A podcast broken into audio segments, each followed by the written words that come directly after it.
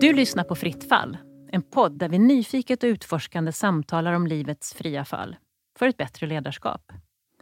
Fria fall är läskiga och de är utvecklande. Kanske mer utvecklande än någonting annat. Och som chef är det avgörande att du reflekterar över livets komplexitet. Vi tycker helt enkelt att det pratas för lite om fria fall. Och den här podden det är ett rum där vi vill samtala om de fria fallen, bjuda på erfarenheter och lära oss av dem.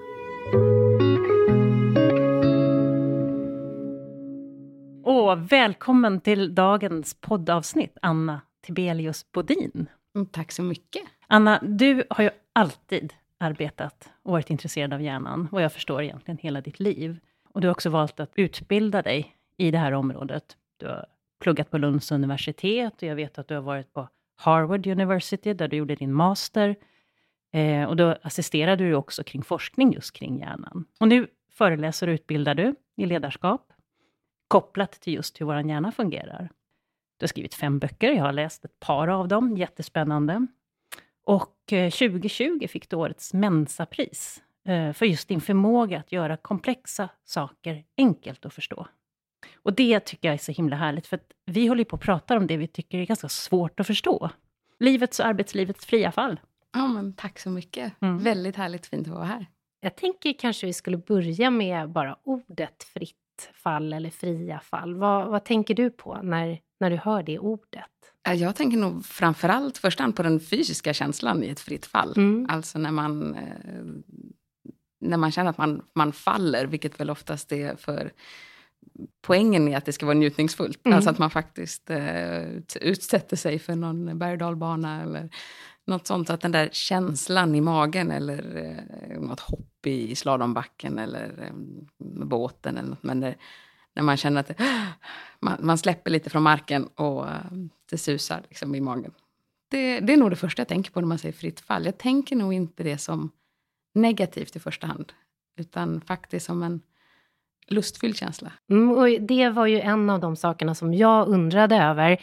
Men jag tänkte att jag skulle avvakta med det lite grann. Mm. För jag blev så nyfiken på att det som i introduktionen som Katarina sa, ledarskap i relation till vad som händer i hjärnan. ja. Vad betyder det? Man ska veta då, eh, som Carina vet, det här är ju... Ur mitt perspektiv så händer ju allt i hjärnan. Alltså vi har ju ingen tillvaro eller liv eller ens upplevelse av någonting utanför oss själva. Hela upplevelsen av alltihopa är ju i vår hjärna. Så att när jag säger att någonting är i relation till hjärnan så är, så är det ju bara för att sätta fokus på något som jag inte tycker ens är ett perspektiv. Utan det är ju... Jag tycker att det är ett sätt att förstå andra mm, mänskliga fenomen. Som vi pratar om, om ledarskap utifrån vad som händer i hjärnan så handlar det ju om vad är ledarskap egentligen? Hur påverkar vi varandra och hur får man ett förtroende och mandat att leda någon överhuvudtaget? Det handlar ju om vad jag skapar för, för um, processer i din hjärna om jag får mandat att leda dig. så att säga. Uh, och ur det perspektivet så tycker jag att mycket får sin förklaring när vi förstår mer om vår hjärna, så förstår vi mer om oss själva helt enkelt. Vad är den starkaste processen, tycker du? När det gäller ledarskap? Um, tilliten, förtroendet. Alltså just att vi faktiskt litar på andra människor till den grad att eh, vi ger dem mandat att, att leda vad vi tänker, känner och gör. Det är, det är ju stort. Och att få det förtroendet, att faktiskt vara en, en, en äkta ledare, det är ju ett enormt ansvar förstås. Och jag menar ju att det det här skapas ju av att vi människor måste formatera oss på det sättet, så att säga. Att vi har någon som, som tar kommandot och styr vart det är vi är på väg och, och samlar alla krafter åt en viss gemensam riktning, om man säger. Eh, jag har faktiskt ett exempel på ett fritt fall som jag har haft, mm. som handlar lite grann om det som du pratar om. Mm. Jag eh, hade en medarbetare som jag först bara tyckte helt enkelt att hon var obstinat. Och sen så försökte jag hitta massor med ingångar på att liksom nå henne, att vi skulle hitta någon slags eh, nivå där vi kunde samarbeta. Och sen så till slut så insåg jag bara helt enkelt att hon inte respekterade mig. Dessutom var det som så att jag insåg inte det här själv, utan jag fick den här informationen av någon annan. Så mm. bara det var ju ett misslyckande mm. i min, mina ögon. Mm. Men för mig så var det skitjobbigt. Vad tänker du, vad är de viktigaste delarna för att skapa det där förtroendet? Jag brukar kalla det för att vi ser på en ledare som den tryggaste i rummet. Du är inte ledare om du inte är den tryggaste i rummet. Och sen kan man ju direkt tänka sig en, en större grupp där, där det är flera som, som behöver ha ett ledarskap, att, att det blir någon tävlan då mellan vem som är tryggast. Och då brukar jag säga att ja, så snart du ser det som en tävling så är du per definition inte tryggast i rummet. så det har ju inte med det att göra på det sättet. Men när det stormar, när det blir osäkert, när folk blir otrygga, när de känner sig utsatta eller attackerade eller bara i förändring eller tvingas genom en utveckling eller själva drivs av en utveckling så är det ju okänd mark de ska in på och det känns osäkert och otryggt. Då kommer människor att ty sig till den som är tryggast i rummet. Och för att kunna ha mandat att påverka någon annan människa, att hjälpa och finnas där och framförallt vara med och bidra till att de ändrar perspektiv på situationen. Vilket vi ofta behöver göra om vi kommer i för djup stress och panik, och oro och rädsla för någonting så behöver vi byta perspektiv. Vad hade du gett mig för, för råd, tror du, i, i den här situationen? Om jag hade känt mig osäker på hur jag skulle liksom vända det här och hur jag skulle gå vidare och sådär. Vad, vad skulle vara ditt eh, råd till någon som är i en sån situation? För jag tror vi, många ledare har varit i den situationen där man känner att det är en person som man inte når hela vägen med, där man inte känner att den här mm. ömsesidiga respekten finns. Mm. Eh, och i mitt fall så var det en i ledningsgruppen. Det var ju skitjobbigt, för det blev ju, hela ledningsgruppen blev ju halt mm. av det här. Jag skulle ju förstås som alltid rekommendera att man tar ett samtal med den personen, vilket ju är ett väldigt tufft samtal att ha. Att vara så sårbar, att man, man erkänner helt enkelt att jag upplever att, att det saknas respekt. Vi når inte varandra och jag skulle vilja att vi nådde varandra. Att man börjar med att hitta vad är det jag har gemensamt med den här personen? Vad är det vi faktiskt båda vill? Och vad skulle vi kunna ha för common ground? Mm. Och utgå ifrån det. Det kan ju vara att båda har ett eh, särskilt fritidsintresse. Båda är mödrar. båda eh, ligger i skilsmässa. Båda, alltså, det kan vara vad som helst som man upplever att det där, det har vi gemensamt att man kan bonda någonting på de här gemensamma faktorerna. För vi, vi relaterar ju till människor som vi upplever lika oss själva. Och vi har alltid något gemensamt med alla andra människor. Vad, vad är det som... Vad är det i hjärnan som, som gör att vi vill söka oss till de, det lika, det, det vi känner igen oss i? Ja, det är ju det här att vi vill ha eh, en, en ingrupp, så att säga. Vi vill känna att vi vi är som vi är och de är som de är. Det finns ett vi och ett dom. Och så snart någon ingår i en vi-grupp så är det ju en trygghet. Då innebär det att då, då, får vi, då får du vara med i flocken, så att säga. Och då har vi någonting gemensamt och det finns en anledning att lita på dig. Det finns en anledning att tro att vi har liknande agendor för hur vi ska överleva. Och det låter ju väldigt extremt, men hjärnan vill ju faktiskt bara överleva. Så mm. det, det, är ju hela mm. tiden det det handlar om. Och när vi är utsatta för saker, eller utsatt kanske är fel ord, men när vi kommer i kontakt med saker som känns bekant och vi relaterar och vi har förståelse och, det känns familjärt. Då utsöndras någonting i, i vårt nervsystem som vi kallar för oxytocin. Och det är för att vi ska, vi ska liksom bonda med varandra över saker som, som vi delar. Mm. Och det här fungerar ju väldigt snabbt när, vi in, när det inte är så, så djupa relationer det handlar om. Nu på en arbetsplats och när ni har en sån relation, då, då krävs det ju lite tyngre eh, ansatser så att säga, för mm. att man ska hitta de här gemensamma grunderna och faktiskt förstå på hur många parametrar man faktiskt är lika. Men i, i mer ytliga experiment så har man ju sett att det, det räcker att sätta gula kepsar på ett gäng och blåa kepsar på ett annat gäng. Och så, så snart det händer någonting med likadan, någon annan människa som har likadan keps som jag, så, så känner jag med den personen. Mm. Och det är väldigt eh, likaledes och lika eh, lätt att känna skadeglädje eller på, på annat sätt känna lite njutning av att det går dåligt för någon med den andra kepsen. Mm. Så att det här går ju jättefort eh, för oss att eh, dela in oss i vem är lik mig och vem är olik mig.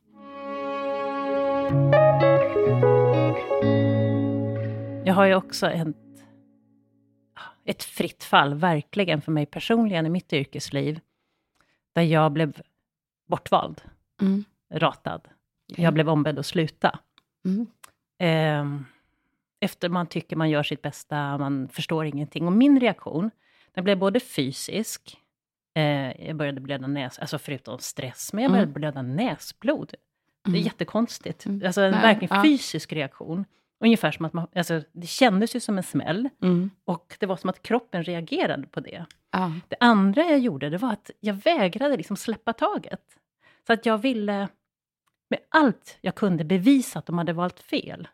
De gjorde fel. Så jag istället Mm. för bara att tänka att ja, men gå vidare, gör något roligare, det, så här är det, Mm. det, det hänger inte på dig, det är en situation, det är en omorganisation, så vill jag göra allt för att jag skulle få veta vad de förlorade. Ja. Alltså kämpade mig kvar Ja. på ett sånt där... Ja, jag kan verkligen... Jag är så fascinerad över min egen reaktion. Jag var i Mm. fritt fall. Ja. Vad hände? Vad tänker du? Hur lyckades du? Får jag fråga bara, hur lyckades den strategin? Nej, det var ju katastrof. Ja. För mig. Alltså det var ju inget... Men det Nej. var så jag reagerade. Ja. Så jag tänker bara, vad, vad är det för en reaktion? Varför, kan det, varför blev det så? Det är ju överlevnadsinstinkten förstås. Alltså att om, om vi bara skulle acceptera att nej, men jag blir utesluten ur flocken och så är det bara och nu får jag Mm. gå min egen väg. Det kunde vi ju omöjligt göra när våra förfäder, menar jag, på, Mm. på savannen. Alltså man slåss tills man, som, som vi har. med allt man har för att Ja. få vara kvar. Ja, det måste man göra. För Ja. på den tiden var ju ensam vi var ju inte stark. Mm. Liksom, på den tiden var ju ensam är ju död. Mm. Eh, så att, Det var ganska nära det jag kände. Ja, och det är ju där, dit vår hjärna kommer. Ja. Alltså för att vi känner ett obehag. Ja. Och än idag så har ju hjärnan en direkt koppling till när vi känner ett obehag så kopplas det till fara. Mm. Och det är ganska få obehag idag som är farligt. För när vi pratar farligt och vi börjar fördjupa oss i det begreppet vad fara är för någonting. Så är det ju egentligen bara livsfara som är farligt. Mm. Allting annat är bara obehag. Det kan vi ju Mm. acceptera eller inte. Men, men är det livsfara, då kan vi liksom inte deala med det. Utan livsfara är livsfara.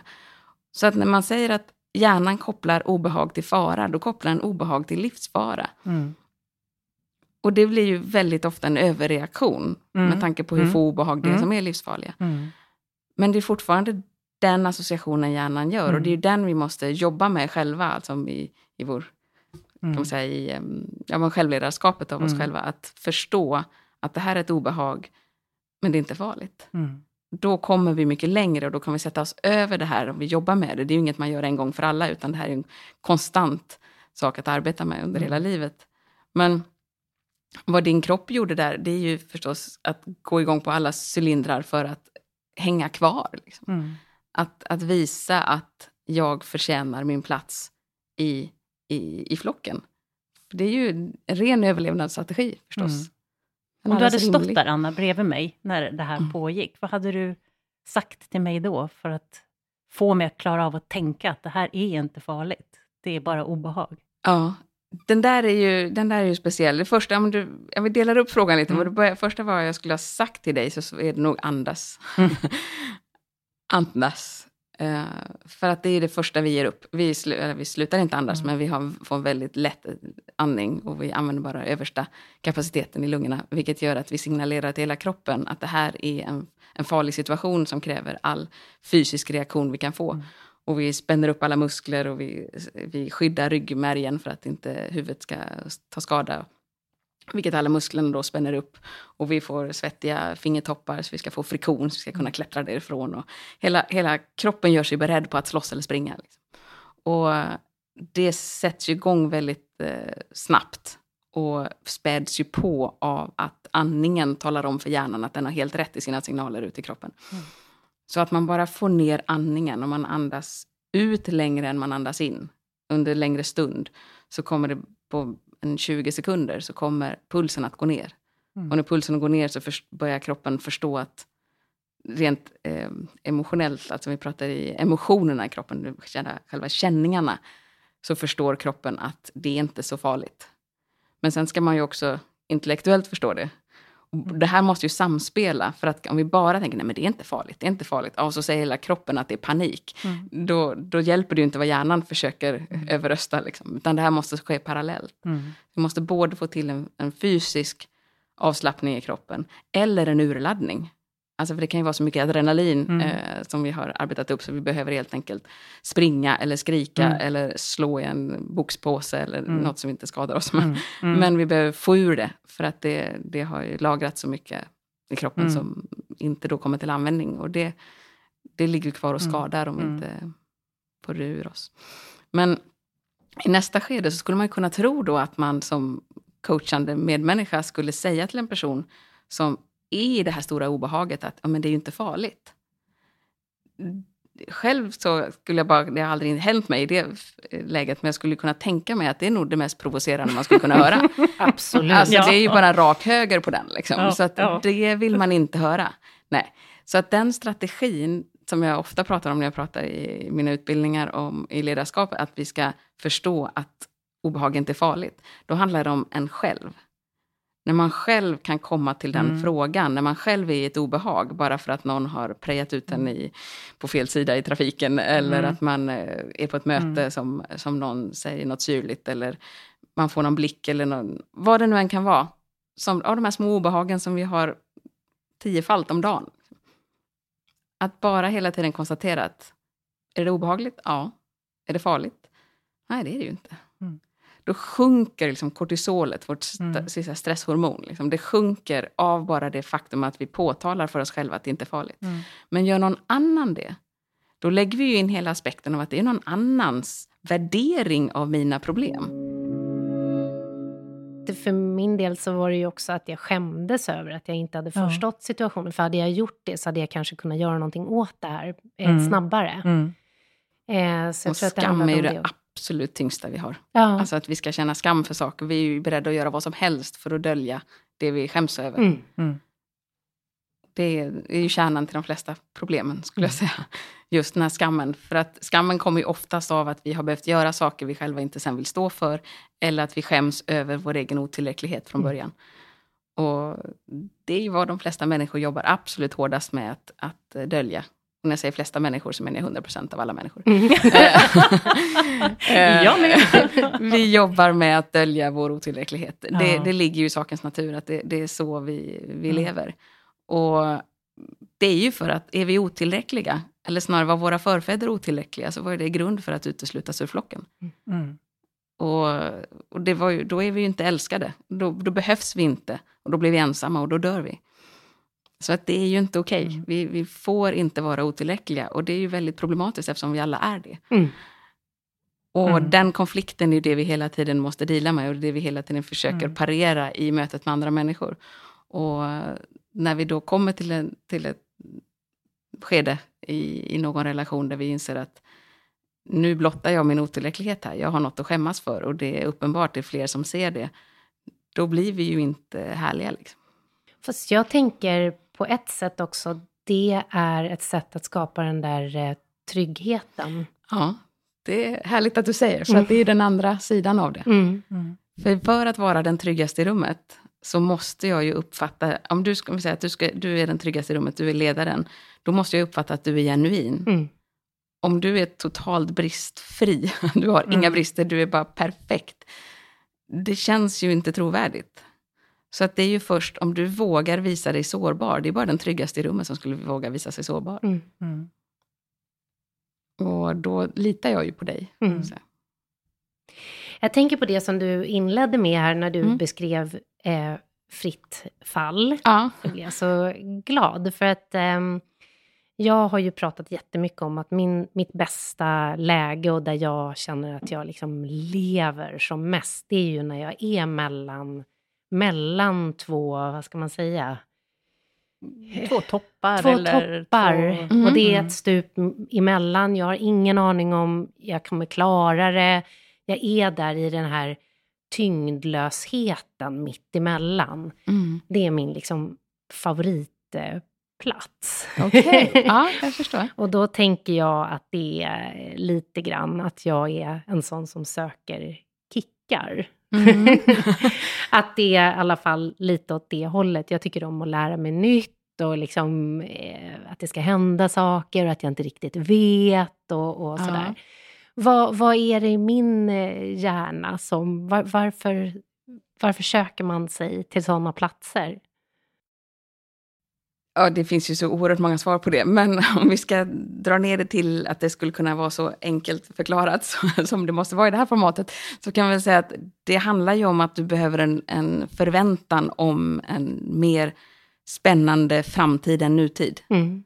Alltså att det som ligger framför dig är mer åtråvärt än det du är i just nu. Mm. Ja, och det är ju... Det är det jag satsar. Ja, mm. det är ju en förväntan. Du går igång på själva förväntan. Sen vet inte jag hur du upplever det när du väl är framme, när du väl har fått det där, när du, när du är på toppen. Men eftersom du påtalar att det är liksom mellan topparna, så låter det som att när du har nått en topp, så vill du helst till nästa topp. Ja, absolut. Ja. och det behöver inte vara en mm. topp, det kan vara en platå, eller, men ja. bara att det är no en framåtrörelse. Ja. Och jag tänker att eh, du beskrev ju det också på ett sätt att det är härligt med den där hisnande känslan ja. i, i, kroppen. Ja, för vi är ju som du säger, vi är på väg mot någonting. Mm. Och den förväntan och på väg mot någonting, det är ju det som, det är det som gör oss till jägare. Mm. Vi, vi är ju jägare till naturen, eh, vi Homo sapiens. Så att jakten är det som ger the thrill. Liksom. Det, är ju, det är ju inte bytet. Hade vi hade varit bytet som hade varit det mest fantastiska så hade vi fått vårt byte och så hade vi varit nöjda sen. Och så hade vi slagit oss ner och inte haft tanken på att vi behöver faktiskt fortsätta jaga för vi ska ha mat imorgon också. Uh, utan det är ju själva jakten som är grejen. Och det är det för oss än idag. Och vad som händer med det eh, i oss, det är ju att vi, vi får en utsöndring av framförallt dopamin. Och dopamin är ju det som gör att vi överhuvudtaget gör något, överhuvudtaget någonsin. Att vi är motiverade att tänka, att göra, att agera, att sträva mot någonting. Men när vi får dopamin i, i högre utsöndringar i vårt belöningssystem så handlar det om att vi, vi får en känsla av att det som ligger framför oss toppar vad vi har just nu. Men så snart vi har toppat upplevelsen så sjunker ju dopaminet. Mm. Så snart vi har fått det vi ville ha så, så sjunker det ju. För att då är ju steg nummer två är ju inte lika lika spännande så att säga. Jag har ett exempel på det i min, min senaste bok när jag pratar just om, om dopaminet. Om eh, månlandningen. Hur oentusiastiska de, eh, de här som, eh, amerikanerna, eh, Armstrong och killarna som, som landade på månen, hur, hur bara blasé de var när de kom tillbaks. Och det är klart, de hade ju gjort sin livsgrej, och inte bara sitt livs, utan världshistoriens absolut häftigaste resa. Det här skulle ju aldrig för dem i deras livsstil rimligtvis gå att toppa. Nej. Så vad var det nu mm. att se fram emot? Det var inte, ja, nu var det klart. Vilken tur att man inte är en månlandare. Eller hur? Det finns något där framme. det måste finnas någonting framför oss för att vi ska känna den här ja. drivkraften och viljan och motivationen. Alltså mm. motivation, det är ju egentligen lindring av obehaget av att inte redan ha. Förlåt, säg det där en gång till. Alltså motivation är detsamma som att lindra obehaget av att inte redan ha. Därför är det så märkligt när så många människor blandar ihop motivation med välbefinnande. För motivation är definitivt inte välbefinnande. Välbefinnande är relationen till något vi redan har. Mm. När vi mm. upplever att det här och nu är så njutningsfullt och så härligt och så skönt och vi kan bara njuta. Det är välbefinnande. Motivation, det handlar om relationen till det vi inte har. Mm. Det är mm. någonting helt annat. Ja, det blir ju ett driv eftersom vi ska skaffa oss någonting. Ja, eller vi vill nå någonting. Så ja, it makes sense.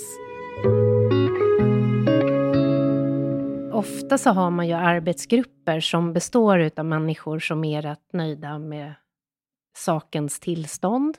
Okay. Som gillar att vara där och, liksom, och sen de som vill springa.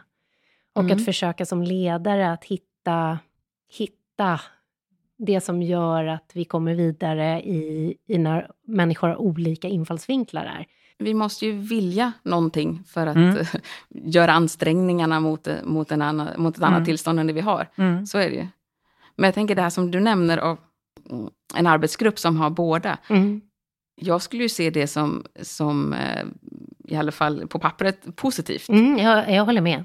För att man behöver ju de här som, som springer, man behöver de visionärerna och de som ser steget längre och alltid ser hur någonting kan utvecklas. Alltid ser hur någonting skulle kunna göras bättre. Medan vi också behöver de här förvaltarna, mm. de som mm. faktiskt stannar upp och, och gör det bra. För att vi kan inte bara ha de som springer, för att eh, det måste göras också. Mm. Så, så jag tror den kombinationen mm. av människor som är väldigt starkt dopamindrivna, vilket låter märkligt att säga för att vi är alla dopamindrivna, men, men som har höga... Lite mer dopamin. Har, ja, men som har så högt behov av att uh, få upp uh, utsändningarna just i vårt belöningssystem, absolut. Mm. Uh, men sen behöver vi också de här som kan stanna upp, reflektera och um, säger inte att drivna människor inte gör, men att vi behöver de som kan uppfatta det positiva i, i nuläget. Mm. Mm. Men jag tänker att eh, oftast belöningssystemen i ett företag är skapade utifrån de här mm. dopaminstinna personerna. Ja. ja, och det är bara att se på hela aktiebolagsvärlden, alltså mm. hela kvartalstänket. Alltså ska vi göra saker långsiktigt mm. eller ska vi göra saker som mm. snabbt ger en belöning? Mm. Så att aktieägarna blir nöjda och, och kvartalsrapporterna ser bra ut och så vidare. Det, eller ska vi säga mandatperioderna, våra mm, politiker. Det här, vi har ju ett helt samhälle som går ut på att vi vill ha belöning snabbare snarare än att vi ska ha någonting långsiktigt som är hållbart och starkt. Det, det ser vi ganska många exempel på. Mm. Och det är ju för att vi är drivna av dopamin. Det har ju människan då i och för sig alltid varit. Det är bara det att just nu så har vi byggt upp ett samhälle där, där vi faktiskt kan få vårt dopamin så snabbt. Mm. Och vi har tillgång till precis allting. Vi lever i ett överflöd. Eh, det är ju extremt nytt i vår mänsklighetshistoria att, att ha det här överflödet. Vår hjärna är gjord för brist. Mm. Vi formade för att hantera information i brist, så att vi fyller i det mesta i hjärnan själva. Vi är gjorda för att hantera mm, matbrist, det vill säga energibrist.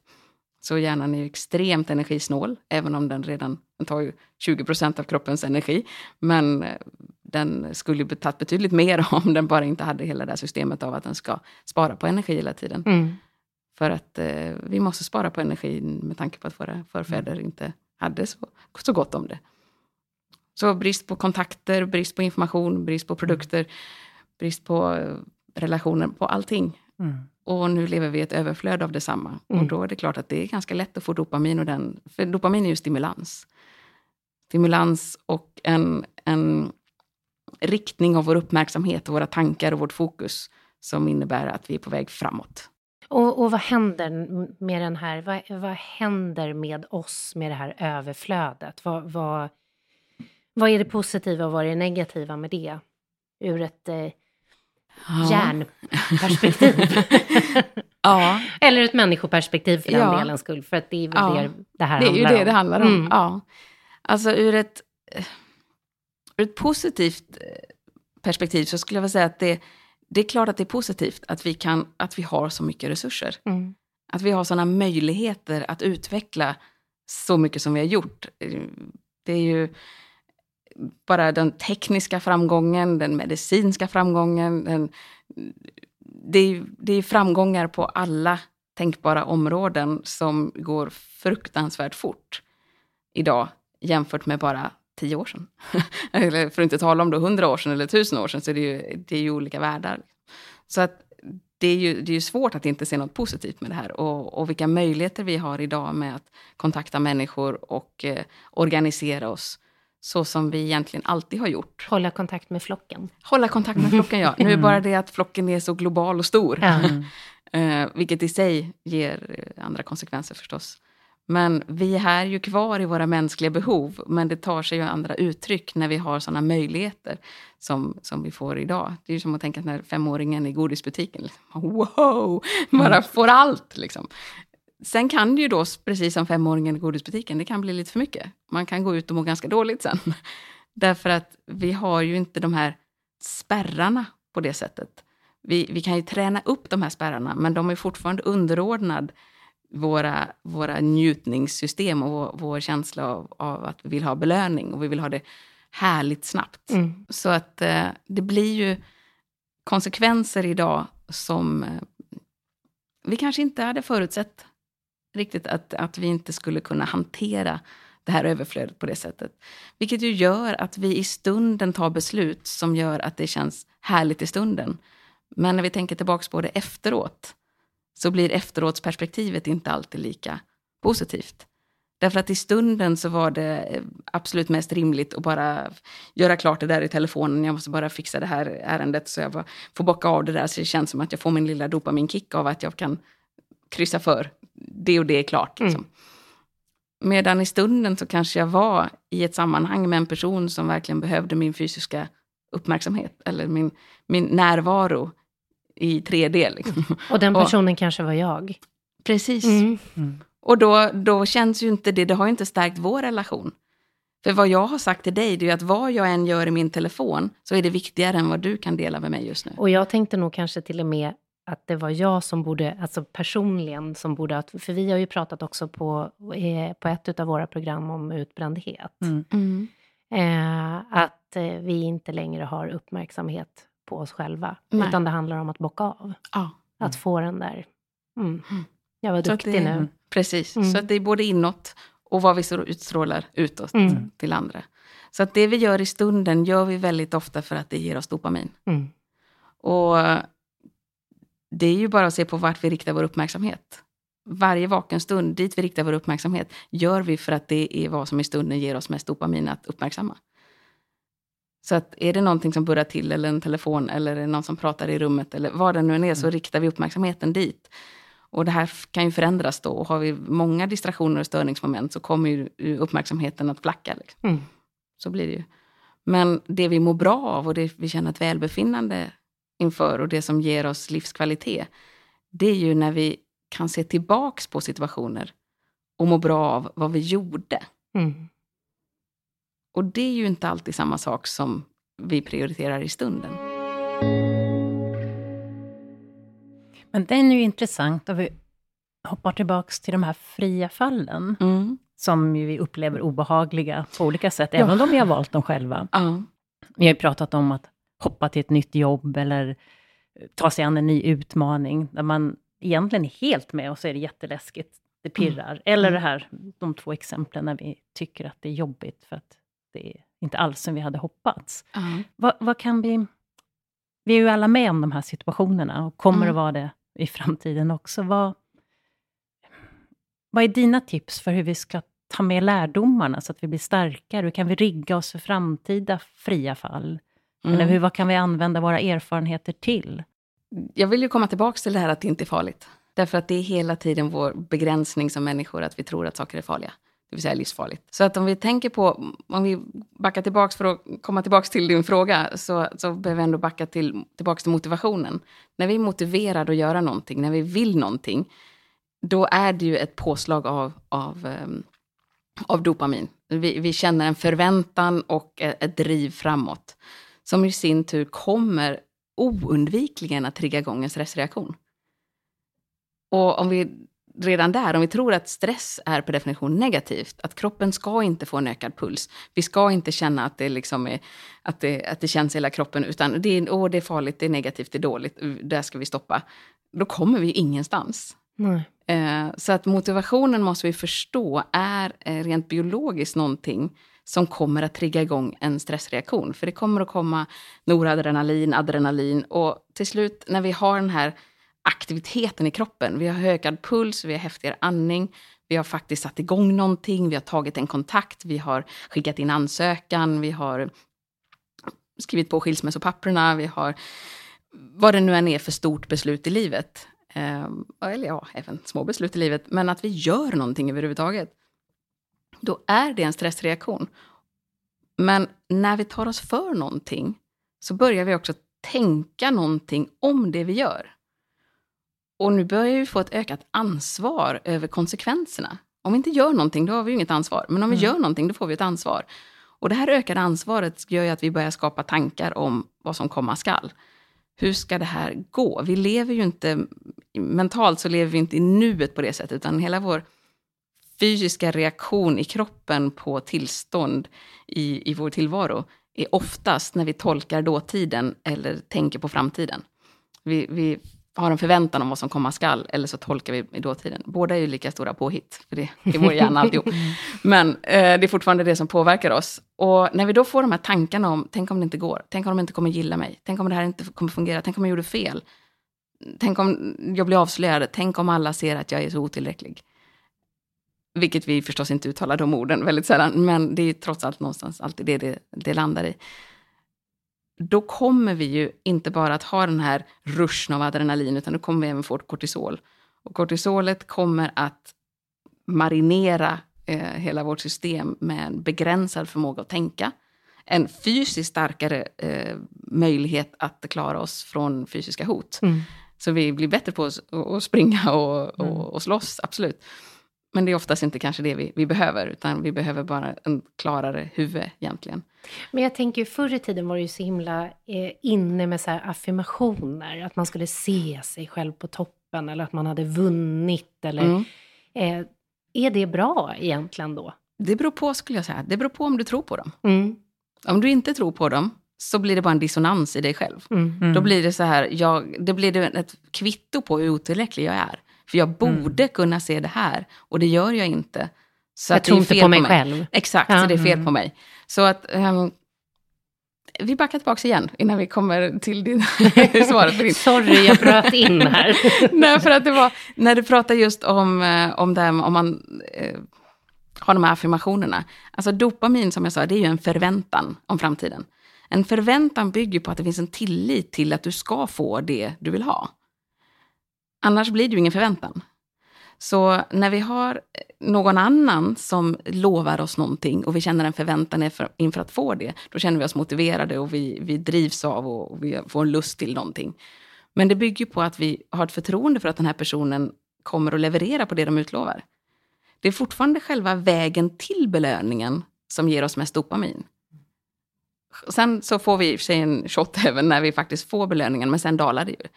Men det här är ju någonting som helt bygger på att det finns en tillit till den som utlovar det.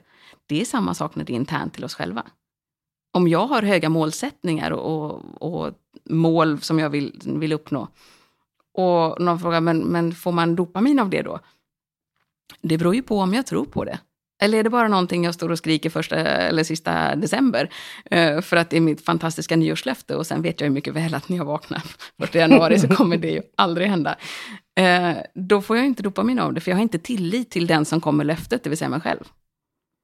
Men om vi nu säger att det finns en motivation, det finns en drivkraft, det finns en, eh, ett engagemang och vi sätter igång, vi börjar agera, ta kontakten eller använder tekniken eller skickar in ansökan eller vad vi nu gör och vi kommer i den här stressreaktionen, vi kommer att få de här tankarna, tänk om allt, allt som kan gå fel. Eh, och det gör ju att det påskyndar den ytterligare förstärkningen av kroppens eh, beskydd för ett yttre hot, det vill säga kortisolpåslaget. Mm. Som gör oss bättre rustade rent fysiskt, men sämre rustade mentalt.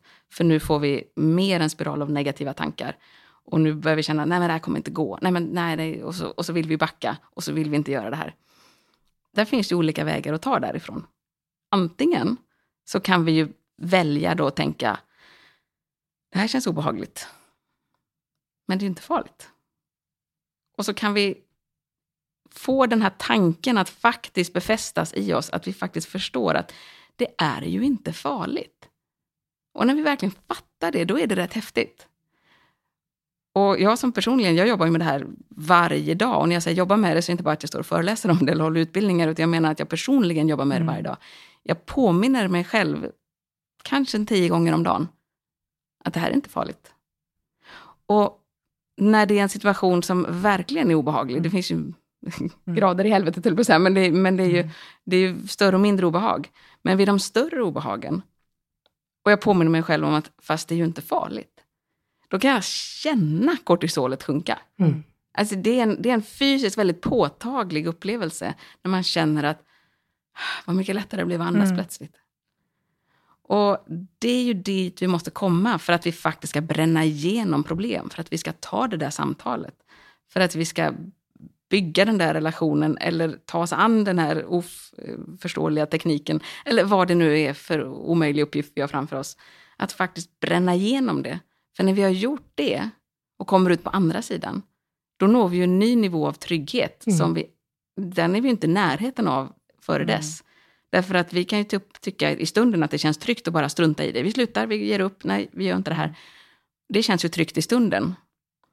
Men det handlar inte om stunden, det handlar om efteråt. Att ha obehaget bakom sig, det är ju den mest trygga situation vi någonsin kan komma i. Mm. mm. Och det häftiga då, det är ju att då utsöndras oxytocin. Som jag var inne på tidigare, när vi känner den bekantskapen och vi bondar med människor. Det är ju trygghet för oss, oxytocin. Och det är för att vi, vi andas ut. Vi kan slappna av. Vi har klarat det. Och oxytocinet kommer att konkurrera ut kortisolet på våra nervceller. Så att kortisolet sjunker bara av utsöndringen av oxytocin. Så när vi känner att ah, nu är det stabilt igen, jag klarar det, det går. Och har vi varit med om det här, att faktiskt bränna igenom mm. någonting, haft ett fritt fall som vi känner att ja, men jag, jag klarar det. Då har vi fått en, en ny nivå av trygghet som gör att det här kommer sen trigga igång en ny stimulans. Därför nu känner vi oss trygga nog att, att eh, öka på det. Oxytocinet kommer få, få sällskap av serotonin också. Vi känner oss stolta och modiga och vi kan bli ganska kaxiga. Liksom. Det här, det finns inget som stoppar mig. Jag är helt ostoppbar. Mm. Jag, jag, är top of the world. Liksom. Och serotoninet i sig kommer sen att trigga igång nytt dopamin.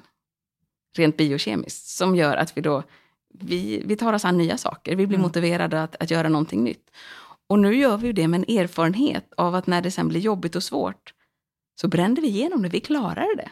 Det var inte ett stopp, en vägg, utan det var en värdig motståndare. Mm.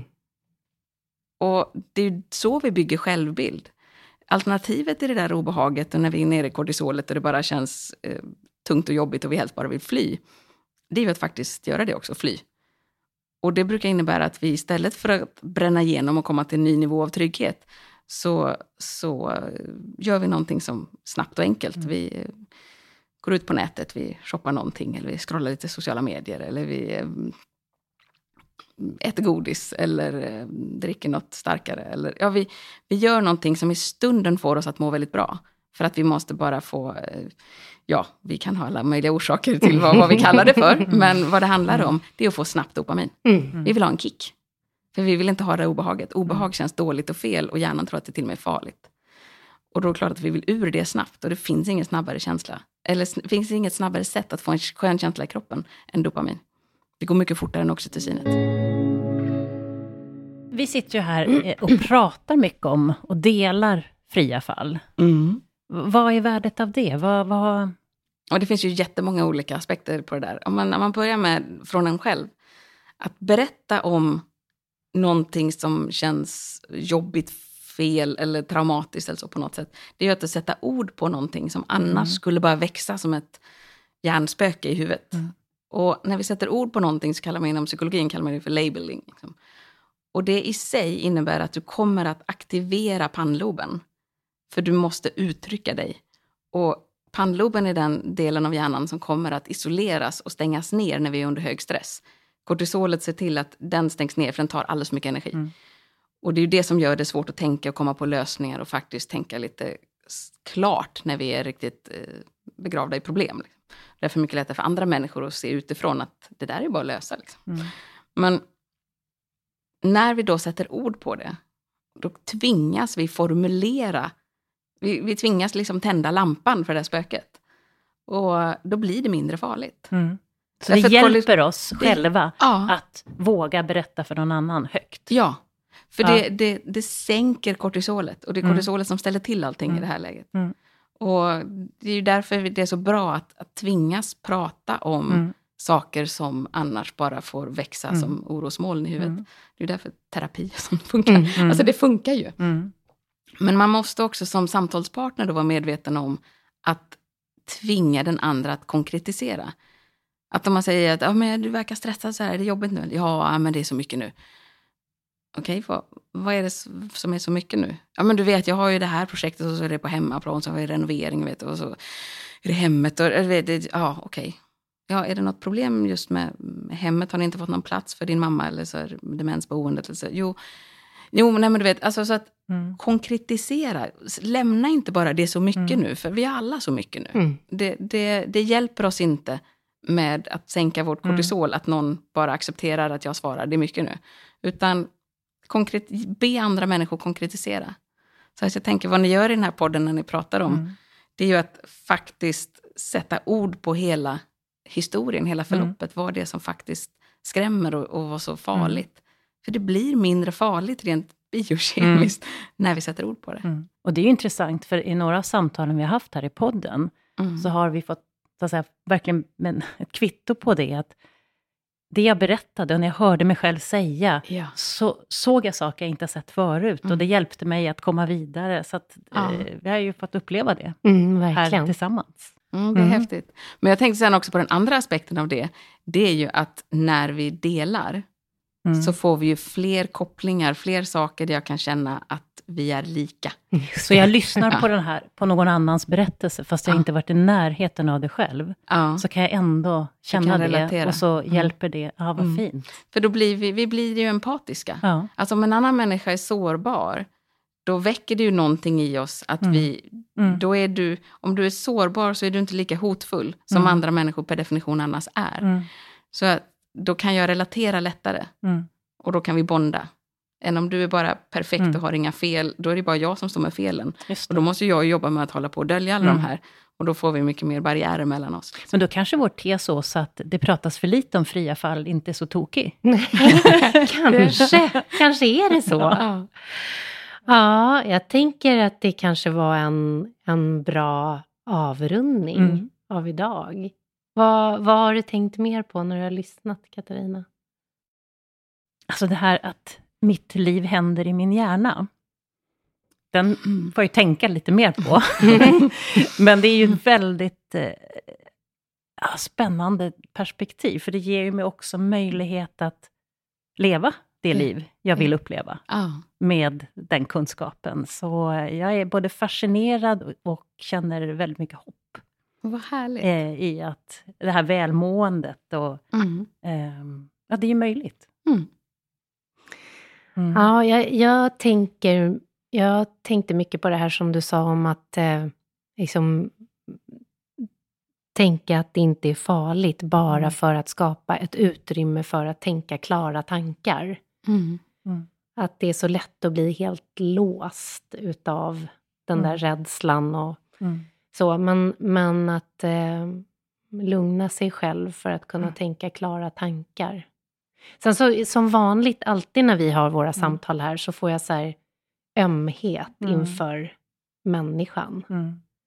Att vi bara är liksom vi bara är. Mm. Ja, eller hur? Och vi vill bara överleva. Vi, vill bara ja. överleva. Vi vill, ja. vi vill hänga ja. med dem som vi liksom mm. är trygga med. trygga med. Det är så fint på något sätt att, ja. landa ner i det. Ja, vi kämpar så hårt för så mycket. Att istället, varför inte bara släppa taget och vara? Ja. ja. men verkligen. Och så ett djupt andetag på det då. Ja. Släpp motståndet brukar jag säga. Släpp motståndet, där det var slutordet eh, för idag.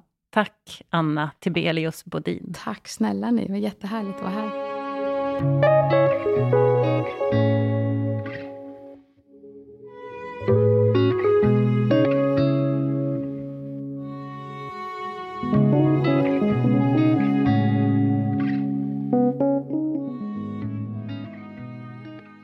Fritt fall, en Nora-produktion. Producerad i samarbete med Niklas Hedberg.